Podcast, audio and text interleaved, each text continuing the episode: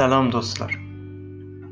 Tənqidin 4-cü bölümündə e, istəyəm məkan və şairanə dil və xüsusi çağdaş şeirdə məkanın e, e, keyfiyyətinə e, baxım. E, çağdaş şeirdə məkanla şairin hətmən bir xas rabitəsi var və o rabitə qəblən görünməyibdir.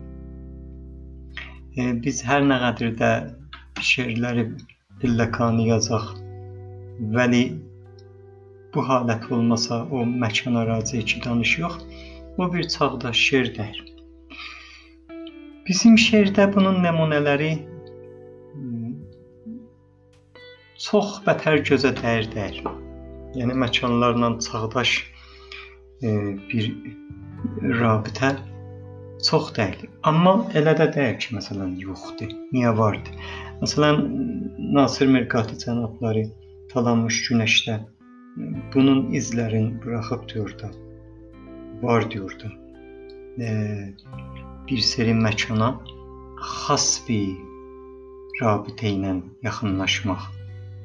Onun o kitabında vardı, az çox.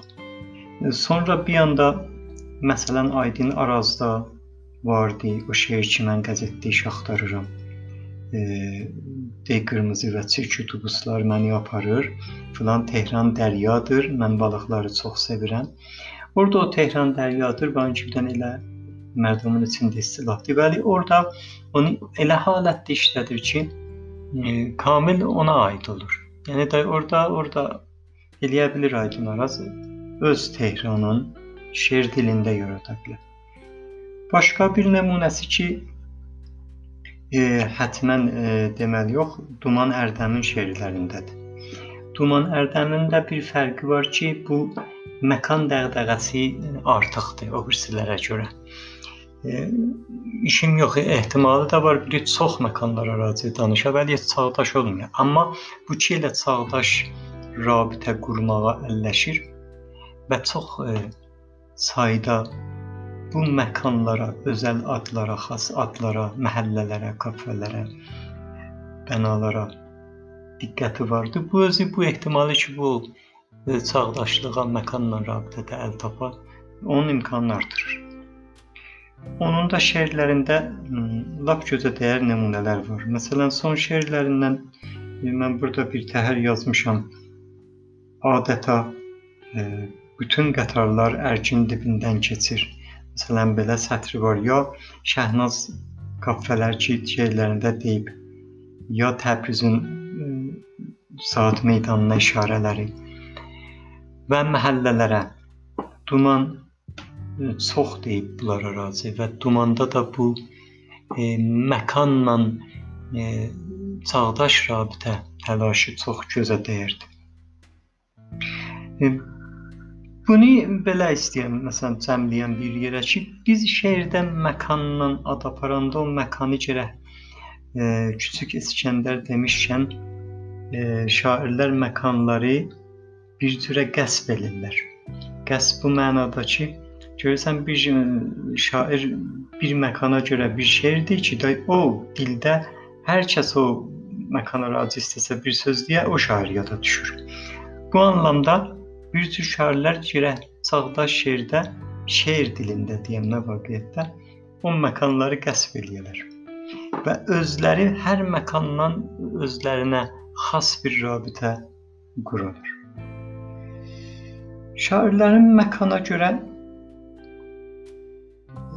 təkdər əşya görə də bu hiss ola bilər. Əşyalara da biz şeirlərimizdə Mən o qədər ki, məsələn, deməyəm hamısını bəli oxumuşam. Əşyalara raci biz şeirimizdə çox dəqiq deyirik.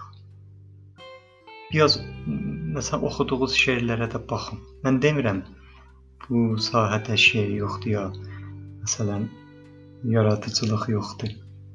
Yox, bəli bu vardı. Biz əşyalara baxamırıq əşyaları elə şairimizlə adlı adamlarımız çox vaxt bir görür, bir görür. Fəqət nədir sizə deyim, çox ay işığından şayad biz artıq ləzzət aparırıq.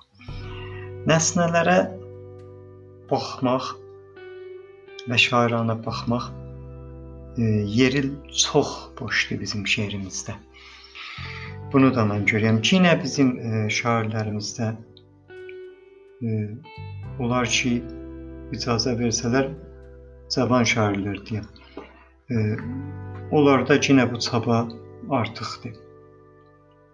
Mən istədim e, bu podkastda bunu yetirəm ki, məkanlara və əşyaya görə e, biz şair olaraq xas rabitə e, fikrində geri olaq.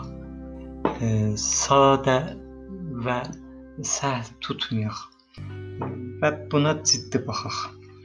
Sağ olun, təşəkkür edirəm.